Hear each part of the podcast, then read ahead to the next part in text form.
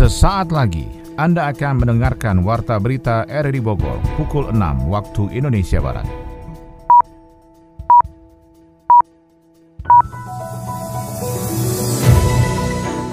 Selamat pagi, salam jumpa. Kami hadir kembali dalam Warta Berita edisi hari ini, Kamis 21 September 2023. Informasi ini juga turut disiarkan melalui audio streaming lewat RRD Play dan juga disiarkan lewat Radio Tegak Beriman Kabupaten Bogor, Jawa Barat dan Anda bisa akses di Spotify RRD Bogor. Berita utama pagi ini adalah anggota DPRD Kabupaten Bogor mendesak pemerintah pusat melalui Kementerian Lingkungan Hidup dan Kehutanan bertindak tegas kepada pelaku pembuangan limbah di Kali Cilengsi dan Cikeas, Kabupaten Bogor. Sedikitnya tujuh orang diamankan dan dimintai keterangan terkait aksi gangster yang melukai warga di Kampung Cijuruk RW 3 Desa Palasari Kecamatan Cijuruk Bogor pada Minggu dini hari. Saya Melani Sarto, inilah Warta Berita selengkapnya.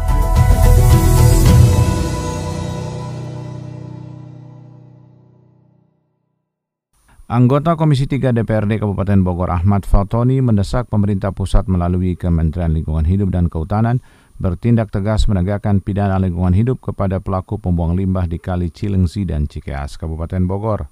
Yofri Haryadi melaporkan. Anggota Komisi 3 DPRD Kabupaten Bogor Ahmad Fatoni mendesak kepada pemerintah pusat melalui Kementerian Lingkungan Hidup dan Kehutanan tegas menegakkan pidana lingkungan hidup pelaku pembuang limbah di Kali Cilengsi dan Cikeas. Pasalnya, temuan adanya pelanggaran sudah kasat mata, diketahui secara umum, hanya saja belum ada langkah tegas dari APH memberi tindakan. Fatoni menegaskan permintaan masyarakat sangat logis untuk menutup saluran pembuangan pabrik yang mengarah ke Sungai Cilengsi dan Cikeas dengan cara dicor beton. Jika tidak ingin masyarakat langsung turun ke jalan dan main hakim sendiri. Itu kan sangat logis gitu. Dan ya? pemerintahan permintaan masyarakat itu aja di stop dulu buang limbahnya. Justru kita sama-sama mendorong sebelum masyarakat jengkel dan ngecor turun sendiri-sendiri lebih bagus yang berwenang yang nurut turun. Apalagi terakhir kan investasi itu kan dari awal udah ada rambu-rambunya. Investasi hmm. boleh tempuh amdalnya. Amdal, ya.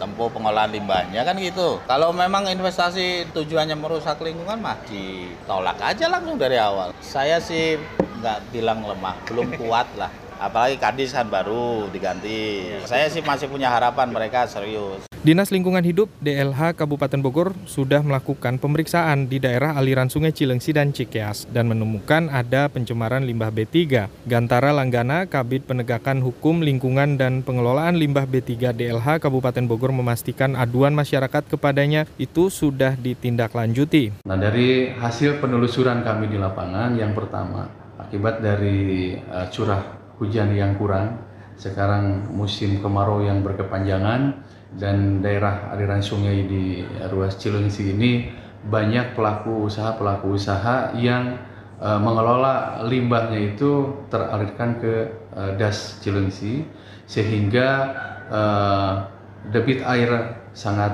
uh, berkurang yang mengakibatkan polusi dan juga pencemaran yang sangat uh, bikin masyarakat terganggu sudah ada perusahaan yang masuk dalam daftar pencemar limbah di Kali Cilengsi dan Cikeas yang dilaporkan kepada aparat penegak hukum. Bahkan tiga perusahaan yang diduga pencemar limbah yang dilaporkan DLH Kabupaten Bogor sudah naik pemeriksaan di Kejaksaan Negeri Kabupaten Bogor untuk disidangkan. Kondisi air Perumda Tirta Pakuan Kota Bogor yang diadukan warga berbau tidak sedap ternyata akibat kandungan mikroorganisme yang tinggi. Berikut laporan Adi Fajar Nugraha. Perumda Tirta Pakuan Kota Bogor merespon keluhan warga yang mengatakan air di wilayah Bogor Utara dan Tanah Sareal berbau. Hal itu disampaikan warga melalui call center dan media sosial milik Perumda Tirta Pakuan Kota Bogor. Direktur Teknik Perumda Tirta Pakuan Ardani Yusuf mengatakan Tim dari CHSE pada bagian lab dan produksi sudah menindaklanjuti dengan menganalisis dan hasil sementara terindikasi ditemukan adanya mikroorganik yang tinggi di sumber air baku. Dijelaskannya hal itu terjadi akibat pengaruh dari kekeringan dampak kemarau panjang sehingga terdapat kotoran gangga atau plankton yang membusuk masuk ke sungai Cisadane. Itulah yang menjadi sumber air baku ditambah adanya kekeruhan saat hujan turun. Berdasarkan hasil laboratorium, angka mikroorganik dari air baku terlihat tinggi, biasanya maksimum di angka 10 dan pada saat itu menyentuh angka angka 13,3. Namun demikian, ia memastikan mikroorganik itu hanya menimbulkan bau pada air. Untuk itu, tim CHSM menambah pembubuhan disinfektan kandungan klor. Hal itu menimbulkan air agak bau menyengat seperti yang dilaporkan masyarakat. Namun kondisi di beberapa titik air sudah tidak berbau lagi. Ardani menegaskan Perumda Tirta Pakuan juga akan mengambil langkah antisipasi pada pengolahan air baku yang sumbernya dari Sungai Ciliwung. Satlantas Polres Bogor mendistribusikan air bersih sebanyak 80 ribu liter ke 10 titik wilayah yang dilanda kekeringan. Di Kecamatan Babakan Madang, Kabupaten Bogor, Jawa Barat, Kasat Lantas Polres Bogor AKP Diki Anggi Pranata mengatakan, selain membagikan air bersih, pihaknya juga membagikan 100 paket sembako kepada masyarakat. Diki mengatakan pembagian air bersih akan terus dilakukan selama terjadi kekeringan. Ditambahkan juga masyarakat yang terdampak kekeringan bisa melaporkan ke Polres Bogor untuk ditindaklanjuti. Nantinya pihak Polres Bogor akan menggandeng PDAM setempat dan pengusaha lainnya untuk bersama membantu masyarakat yang membutuhkan. Kegiatan dilakukan dalam rangka hari ulang tahun Polantas ke-68. Selain membagikan air bersih, saat Lantas Polres Bogor juga melakukan kegiatan donor darah dan bersih-bersih tempat ibadah. Yang, pakai sabuk pengamannya ih, biar aman. Aman ya. Itu awas lampu merah berhenti. Udah malam mas sepi, terobos aja kali. Jangan ih berhenti gak? Ah, iya iya iya. Tuh kan, kamu mah maju banget jadinya lewatin garis tuh. Nanti ketilang baru tahu rasa. Nggak akan kali yang. Nggak baca berita apa? Polisi kan udah nggak bisa lagi nilang di jalanan. Aman lah, udah malam juga. Ye, no, lihat no kamera di mana-mana. A few moments later. Permisi, pos. Maaf pak, mengantar surat? Eh iya pak, makasih ya pak. Sama-sama pak. Surat apa nih? Hah? Aduh, dapat surat etilang lagi. Cie, dapat surat cinta. Berkendaramu akan selalu dipantau CCTV. Gak ada polisi bukan berarti bisa ngelanggar. Hati-hati di jalan karena orang tersayang selalu menunggu kepulanganmu. Anda tengah mendengarkan Warta Berita RRI Bogor. Pasca kebakaran, pengelola Taman Nasional Gunung Gede Pangrango memperketat pengawasan pengunjung yang membawa barang mengandung api. Adi Fajar melaporkan. Pasca terjadinya kebakaran di alun-alun Surya Kencana Taman Nasional Gunung Gede Pangrango, pihak pengelola masih melakukan investigasi terhadap kejadian tersebut. Sejumlah saksi di lapangan dan rekaman CCTV pun telah diperiksa untuk memastikan penyebab terjadinya kebakaran. Kepala Balai Besar Taman Nasional Gunung Gede Pangrango Sabto Aji Prabowo menjelaskan, untuk mengantisipasi tidak terjadi kembali kejadian serupa, pihaknya memperketat pengawasan di lapangan dengan memploting petugas dan mengoptimalkan kamera pemantau. Selain itu, para pendaki ataupun wisatawan yang datang akan diperiksa dan diimbau untuk tidak menggunakan barang berbahaya yang mengandung api, khususnya di area yang mudah terbakar guna meminimalisir terjadinya kebakaran. Tingkatkan intensitas uh, pemantauan patroli nanti, terus kami ingatkan pengunjung, uh, pendaki untuk tidak membuat perapian apian, tidak membuang puntung rokok sembarangan, kemudian juga saling e, mengawasi. Jadi kalau dari awal terdeteksi ada potensi kebakaran untuk segera dilakukan penindakan gitu. Saling ingatkanlah di antara mereka juga. Tim gabungan masih melakukan asesmen di lapangan termasuk akan memastikan penyebab dari kebakaran. Diketahui Taman Nasional Gunung Gede Pangrango terbakar pada Senin 18 September 2023 di siang hari, lokasi kebakaran berada di kawasan alun-alun Surya Kencana. Potensi kebakaran terpantau pertama kali secara real time melalui CCTV pada pukul 12 lebih 39 menit waktu Indonesia Barat. Sedikitnya tujuh orang diamankan dan dimintai keterangan terkait aksi gangster yang melukai warga di Kampung Cijuruk RW 3 Desa Palasari Kecamatan Cijuruk Bogor pada minggu dini hari lalu. Yofri Haryadi melaporkan. Aksi gangster yang lukai warga di Kampung Cijeruk RW 3, Desa Palasari, Kecamatan Cijeruk, Bogor pada minggu dini hari, satu persatu diamankan polisi. Sedikitnya tujuh pelaku diamankan dan dimintai keterangan hingga petugas mendapatkan tiga pelaku utama dalam aksi tersebut. Kapolsek Cijeruk, Polres Bogor, Kompol Hida Cahyanto mengatakan pihaknya masih melakukan pengejaran kelompok bermotor yang menjadi pelaku tersebut. Ada dua kelompok yang menjadi incaran petugas hingga saat ini belum terungkap seluruhnya. Dari hasil pengembangan sementara, petugas petugas mengamankan dua pelaku LK dan RY yang ditengarai terlibat langsung melakukan penganiayaan terhadap korban luka bernama Jafrudin. Menyusul kejadian uh, tanggal 17 September uh, malam minggu waktu itu jadi sudah masuk minggu dini hari pukul 00.30 di mana peristiwanya terjadi di Desa Palasari, RT 3, RW 3, Kecamatan Cijeruk, Kabupaten Bogor, ada warga yang menjadi salah satu warga yang menjadi korban pembacokan dari kelompok bermotor Dan alhamdulillah setelah kita kembangkan uh, upaya penyelidikan selama dua hari ini, kemarin kita sudah amankan lima uh, orang. Ya, kemudian hari ini uh, tadi malam kita dua orang, jadi tujuh orang totalnya. Dan uh, dari hasil pengembangan informasi berdasarkan keterangan dari para saksi-saksi tersebut mengarah pelaku tiga orang dan tiga orang alhamdulillah saat ini ketiganya sudah diamankan. Salah satu kemarin sudah diamankan dan hari ini dua pelaku utama sudah berhasil kita amankan inisial L dengan RY. LY. Indikasinya sih mereka tongkongan anak-anak muda yang biasa nongkrong di daerah Sukamulya, Kecamatan uh, Kelurahan Sukasari, Kecamatan Bogor Timur, Kota Bogor. Dari pemeriksaan diketahui informasi, rombongan bermotor dari arah Pamoyanan Bogor Selatan Kota Bogor sebelumnya telah melakukan bentrok antar kelompok di sekitar Sukasari Bogor Timur. Salah satu dari kelompok itu pun mengejar kelompok lainnya hingga ke arah Palasari Cijeruk, Kabupaten Bogor. Dalam aksi konvoinya di sekitar Palasari itu pun mereka saling bertemu dan membuat kericuhan hingga warga di sekitarnya menengahi yang justru mengakibatkan luka. Untuk kelompok eh, kedua kelompok berhasil kabur, mereka kabur. Namun ada satu kendaraan roda dua jenis PCX yang tertinggal. Nah, berikutnya mereka yang e, merasa motornya tertinggal ini mengajak rekan-rekannya untuk mengambil motor tersebut, tapi juga dengan menggunakan membawa senjata tajam. Sehingga waktu itu terjadi perlawanan dari warga dan salah satu warga terkena luka bacok di punggung sebelah kiri, kemudian di paha, lutut sebelah kiri, dan pada bagian tangan sebelah kiri. Para pelaku diamankan petugas berawal dari salah satu kelompok yang tertinggal sepeda motornya saat aksi bentrok pada minggu dini hari. Kawanan mereka kembali ke lokasi untuk mengambil sepeda motornya yang tertinggal membawa senjata tajam dan akhirnya diamankan warga dan diserahkan ke petugas. Berkas peristiwa itu pun kini dilimpahkan ke Polres Bogor untuk diproses hukum selanjutnya.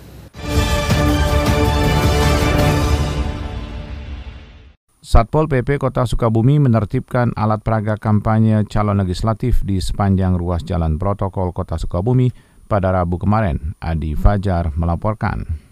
Satuan Polisi Pamong Praja Satpol PP Kota Sukabumi menertibkan alat peraga kampanye atau APK calon legislatif di sepanjang ruas jalan protokol Kota Sukabumi pada Rabu kemarin. Selain APK, petugas juga menertibkan sejumlah reklame hingga bendera partai politik. Kepala Bidang Penegakan Hukum Daerah Dinas Satpol PP Kota Sukabumi Sudrajat menjelaskan penertiban baliho atau APK caleg ini mengacu pada Peraturan Daerah Nomor 10 Tahun 2011 termasuk Perda Nomor 12 Tahun 2017 tentang penyelenggaraan reklame dan penyelenggaraan pajak. Selain itu, baliho yang ditemukan di jalan-jalan protokol protokol ini, kata Sudrajat, belum masuk ke dalam tahapan kampanye, sehingga baliho-baliho tersebut melanggar ketentuan perda. Baliho ini tertibkan didominasi oleh APK caleg di antaranya DPRD Kota Sukabumi, DPRD Provinsi, hingga DPR RI. Selain penertiban reklame yang sifatnya niaga, kita juga menertibkan alat peraga kampanye karena bukan atau belum belum waktunya para caleg ini mempromosikan dirinya karena tahapannya itu nanti ada di bulan November. Selain itu, Sudrajat juga menyebut baliho-baliho yang terpasang ini mengganggu estetika atau keindahan kota Sukabumi. Selain menertibkan baliho di tempat-tempat yang mengganggu estetika, Satpol PP juga menertibkan baliho yang sifatnya sudah kumuh ataupun rusak. Ia meminta kepada pihak peserta pemilu untuk memperhatikan tempat pemasangan baliho dan mengikuti sesuai dengan ketentuan yang berlaku. Jadi selain memang kita tertibkan di tempat-tempat yang mengganggu estetika juga itu kita tertibkan yang sifatnya sudah kumuh ya ya sudah tidak enak dipandang kita tertibkan juga yang memang dalam keadaan bersih karena memang bukan belum tahapannya ya Satpol PP Kota Sukabumi juga mengimbau agar baliho, spanduk, dan sejenisnya tidak dipasang di pohon. Hal itu dapat merusak pohon dan lingkungan hidup di Kota Sukabumi. BRIN menggelar Indonesian Research and Innovation Expo INARI 2023 di Innovation Convention Center Cibinong Bogor yang menghadirkan sejumlah hasil penelitian dan inovasi yang bergerak di bidang teknologi terbarukan. Sony Agung melaporkan.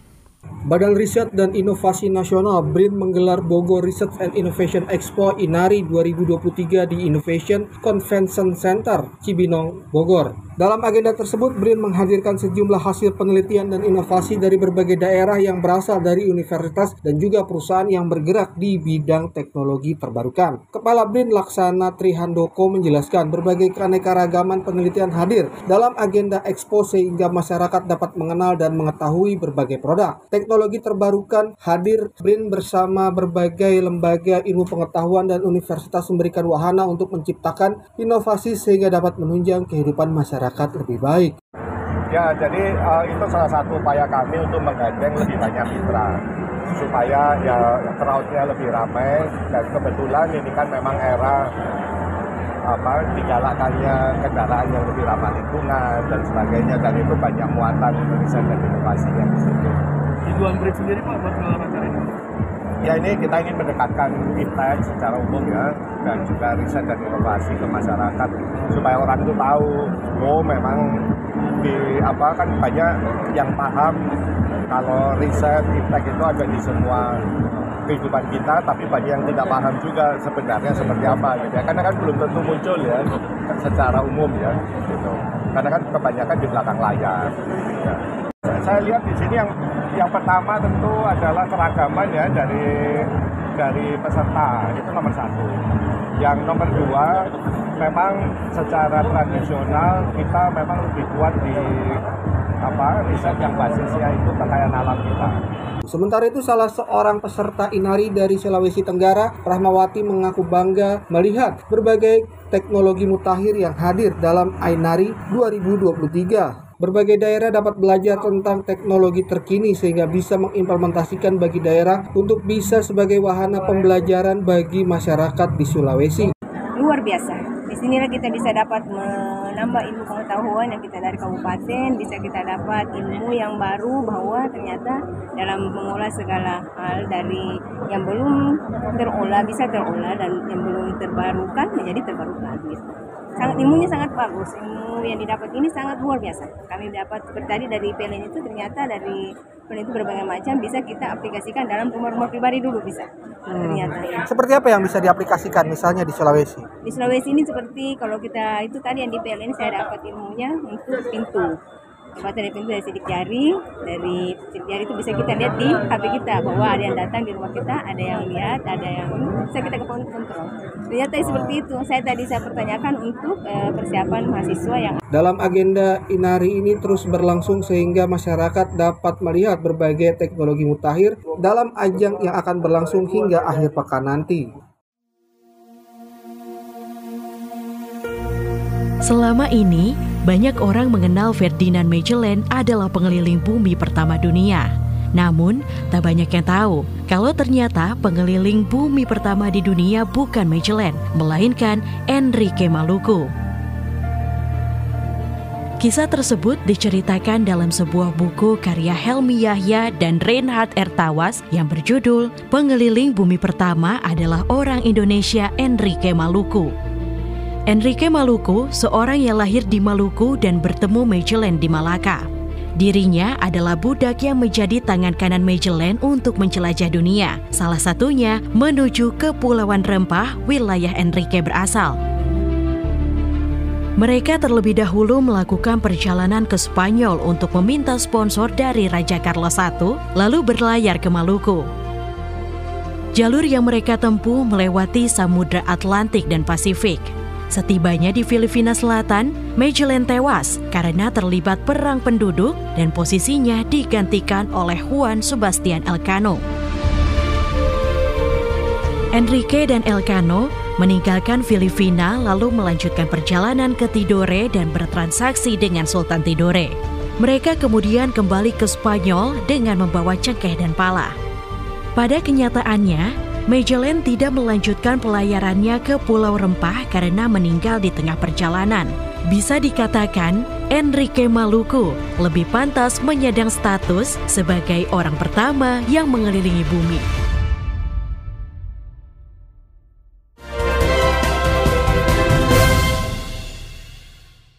Info Ekonomi, Menteri Investasi Kepala Badan Koordinasi Penanaman Modal BKPM Bahlil Lahadalia menyebut bahwa tahun 2022 ekonomi RI tumbuh 5,31 persen. Visi Indonesia Emas tidak bisa tercapai jika pertumbuhan ekonomi Indonesia masih di bawah 6 persen. Hal itu disampaikan oleh Direktur Eksekutif Segera Research Institute, Peter Abdullah. Adi Fajar melaporkan. Menteri Investasi Bahlil Lahadalia menyebut tahun 2022 ekonomi Indonesia tumbuh sebesar 5,31 persen. Menurutnya investasi menjadi penyumbang terbesar pertumbuhan ekonomi nasional termasuk di dalamnya investasi di sektor hulu migas. Bahlil mengklaim investasi saat ini sudah mencapai 1.200 triliun rupiah melampaui target yang diberikan Presiden sebesar 1.000 triliun rupiah. Bahlil mengungkapkan investasi migas ini menjadi salah satu faktor yang mendorong pertumbuhan ekonomi di daerah Hal ini terlihat dari nilai investasi di luar Pulau Jawa yang mencapai 345,9 triliun rupiah atau 52,3 persen, lebih besar dari besaran investasi di Pulau Jawa yang sebesar 323,8 triliun rupiah atau 47,7 persen. Lebih lanjut, Bahlil memaparkan investasi hulu migas mendominasi dalam kurun waktu lima tahun terakhir, lebih tinggi dibandingkan sektor kelistrikan, energi terbarukan, dan pertambangan. Tahun ini investasi hulu migas ditargetkan sebesar 17 miliar US dollar. Dari jumlah tersebut, Indonesia telah berhasil merealisasikan merealisasikan 5,7 miliar US dollar pada semester 1 2023 atau meningkat 21 persen ketimbang periode yang sama di tahun lalu. Visi Indonesia Emas tidak akan bisa tercapai jika pertumbuhan ekonomi Indonesia masih di bawah 6 persen. Hal tersebut disampaikan oleh Direktur Eksekutif Segara Research Institute Peter Abdullah. Ia menilai rata-rata pertumbuhan ekonomi Indonesia mencapai sekitar 7 hingga 8 persen untuk menuju Indonesia Emas pada tahun 2045. Jika rata-ratanya hanya sekitar 6,9 persen, akan ada periode pertumbuhan ekonomi sekitar 10 persen. Menurutnya target Indonesia tahun 2045 merupakan target yang besar. Jika pertumbuhan ekonomi Indonesia masih tetap konsisten di angka 5%, pemerintah perlu menaikkan beberapa sektor. Misalnya menaikkan pendapatan per kapita lebih dari tiga kali lipat dan meningkatkan impor. Ia menilai seharusnya APBN ke depannya akan membawa perubahan-perubahan strategi yang bisa mencapai sesuatu. Namun sayangnya ia tidak bisa melihat perubahan strategi tersebut di era APBN tahun 2024.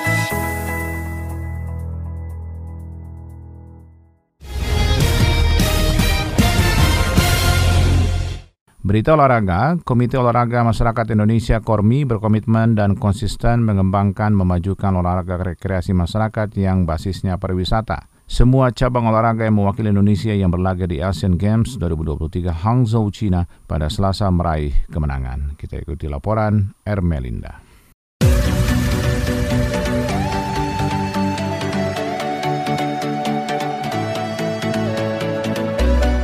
Komite Olahraga Masyarakat Indonesia Kormi ingin terus mengembangkan kegiatan olahraga tradisional menjadi media yang tepat untuk kembali memasyarakatkan olahraga tradisional di kalangan masyarakat Kota Bogor, terutama kalangan generasi muda dan pelajar. Ketua Kormi Kota Bogor Zainul Mutakin mengatakan pihaknya berkomitmen dan konsisten dalam mengembangkan dan memajukan olahraga rekreasi masyarakat dalam rangka mewujudkan olahraga yang berbasis pariwisata.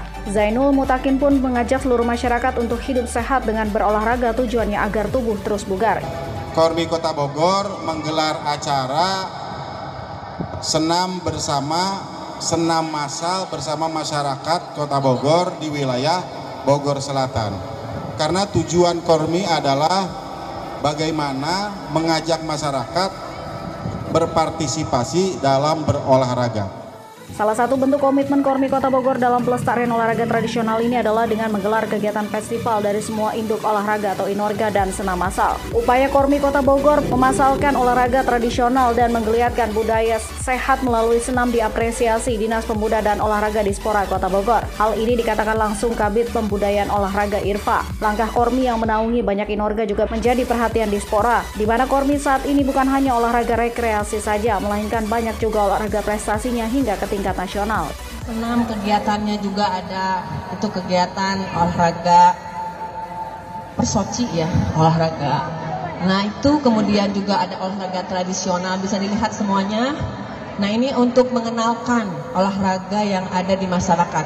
Begitu banyak olahraga yang ada di masyarakat. Ini hanya baru sebagian kecil saja, ya. Jadi olahraga kita untuk kebugaran kita itu banyak sekali layang-layang juga itu termasuk olahraga itu ya Mancing juga itu termasuk olahraga. Jadi luar biasa bagaimana supaya masyarakat kita ini, masyarakat Kota Bogor khususnya itu semua sehat, bugar, gembira, luar biasa. Nah, itulah Kormi ini dibuktikan saat Fornas lalu, di mana banyak pegiat olahraga Minan Kormi Kota Bogor memberikan sumbangsi prestasi untuk Jawa Barat. Hal senada juga dikatakan Ketua Pelaksana HUT Kormi ke-23 Darmawan. Ia optimis melalui pemasalan ke depan Kormi mampu melahirkan cikal bakal pegiat olahraga yang akan mengharumkan nama Kota Bogor. Semua kontingen Indonesia yang berlaga di Asian Games 2023 pada hari Selasa meraih kemenangan. Timnas kriket, voli, hingga sepak bola meraih hasil yang apik. Asian Games 2023 yang berlangsung di Hangzhou, China telah memainkan pertandingan di sejumlah cabang olahraga. Meski pesta pembukaan ajang ini baru akan digelar pada hari Sabtu 23 September 2023, sejumlah wakil Indonesia telah berlaga. Hasil positif ditorehkan kontingen Merah Putih di kiprah awal mereka di ajang Asian Games 2023. Pada cabang kriket putri, timnas timnas Indonesia berhasil mengalahkan Mongolia pada laga grup A di Zhejiang University of Technology Ping Feng Cricket Field. Mereka menang dengan skor 187-4 dan 15-10 untuk melaju ke perempat final. Atlet-atlet Indonesia di cabur voli pantai juga telah berlaga. Danang Syayudistira pribadi, Sofian Rahman Effendi berhasil menang atas wakil Filipina, Al Nakran Abdillah dan Jaron Requinton dengan skor 2-1 di pool B. Muhammad Aspia, bintang Akbar juga meraih kemenangan kala melakoni laga di pool D. Mereka mengalahkan grup Palestina dengan 2-0. Dua wakil Indonesia di voli pantai sektor putri juga tak mau ketinggalan meraih kemenangan. Mereka mengalahkan wakil dari Kazakhstan dengan 2-1 di pool D. Sementara di pool B,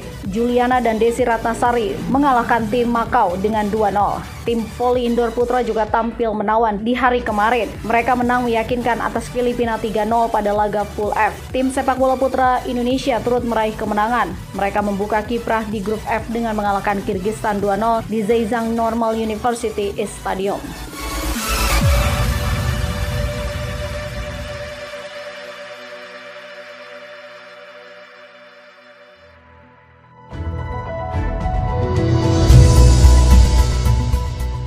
Demikian rangkaian informasi yang kami hadirkan di Warta Berita RRI Bogor pagi ini. Sebelum berpisah, kami kembali sampaikan berita utama. Anggota DPRD Kabupaten Bogor mendesak pemerintah pusat melalui Kementerian Lingkungan Hidup dan Kehutanan bertindak tegas kepada pelaku pembuangan limbah di Kali Cilengsi dan Cikeas, Kabupaten Bogor. Sedikitnya tujuh orang diamankan dan dimintai keterangan terkait aksi gangster yang melukai warga di Kampung Cijuruk RW 3 Desa Palasari Kecamatan Cijuruk Bogor pada minggu dini hari. Saya Molanes Narto bersama tim bertugas pada hari ini mengucapkan terima kasih atas perhatian Anda. Selamat pagi dan sampai jumpa.